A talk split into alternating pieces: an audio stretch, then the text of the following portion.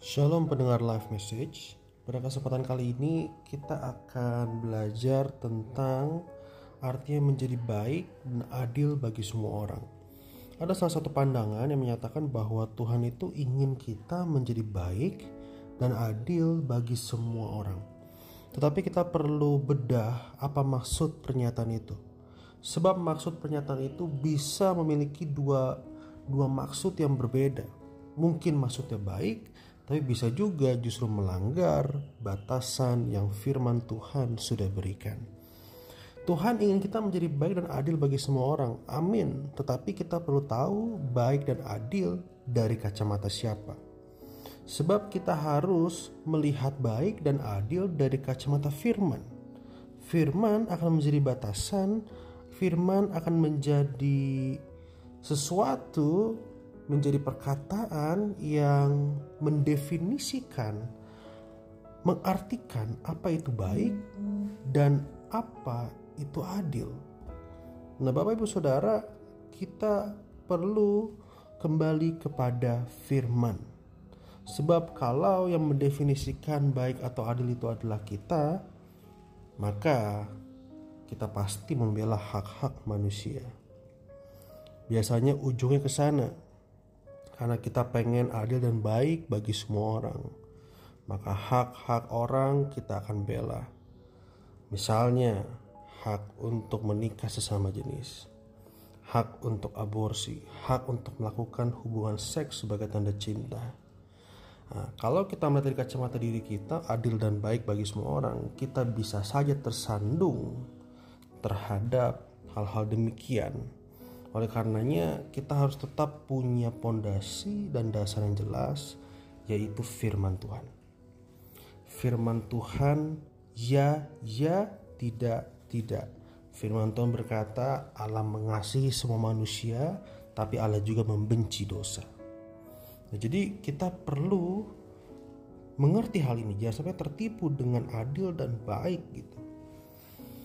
Nah, salah satunya mental yang perlu kita bangun dalam hal ini adalah mental untuk berkata ya kepada kebenaran dan berkata tidak kepada dosa.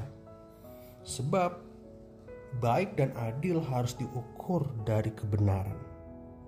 Nah, jadi hari ini saya mau kita untuk refleksikan keberanian untuk menyatakan mana yang benar dan menyatakan mana yang salah.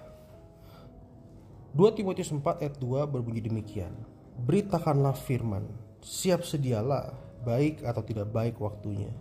Nyatakanlah apa yang salah, tegurlah dan nasihatilah dengan segala kesabaran dan pengajaran kalau Bapak Ibu Saudara melihat ada kata-kata yang baik untuk kita bedah, yaitu kata nyatakan apa yang salah, menegur dan menasehati.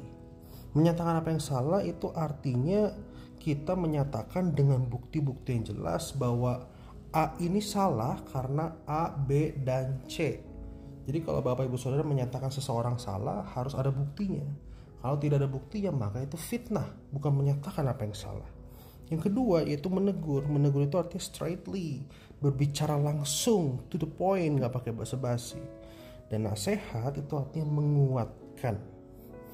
Nah, Bapak Ibu Saudara, kita perlu dengan jelas memberitakan firman, menyatakan apa yang salah, menegur dan menasehati. Kita harus berani menyatakan apa yang salah dengan bukti-bukti kebenaran yang jelas. Makanya setiap kita harus belajar kebenaran, punya pondasi yang kokoh supaya kita bisa menyatakan apa yang tidak sesuai dengan firman Tuhan dengan landasan yang kuat. Yang kedua, kita juga harus punya keberanian untuk apa? Memberitakan firman dengan teguran. Artinya apa? Straightly kita ngomong ya ini salah. Dan yang terakhir, kita juga ada encouragement Sebab kalau kita hanya stop di menyatakan kesalahan dan menegur, percayalah kita akan menjadi hakim yang luar biasa bagi sesama kita. Tapi firman Tuhan tidak melupakan kata menasehati, mengencourage, menguatkan. Di situlah tugas kita untuk juga menyatakan yang salah, menegur, tapi juga sekaligus menguatkan sehingga orang yang kita layani, orang yang kita tegur itu bisa terencourage pandangan mereka bisa terubah pandangannya dengan damai dan dengan sejahtera. Jadi Bapak Ibu Saudara, mari kita punya keberanian untuk melihat apa yang baik dan benar dari kacamata firman Tuhan. Tuhan Yesus memberkati.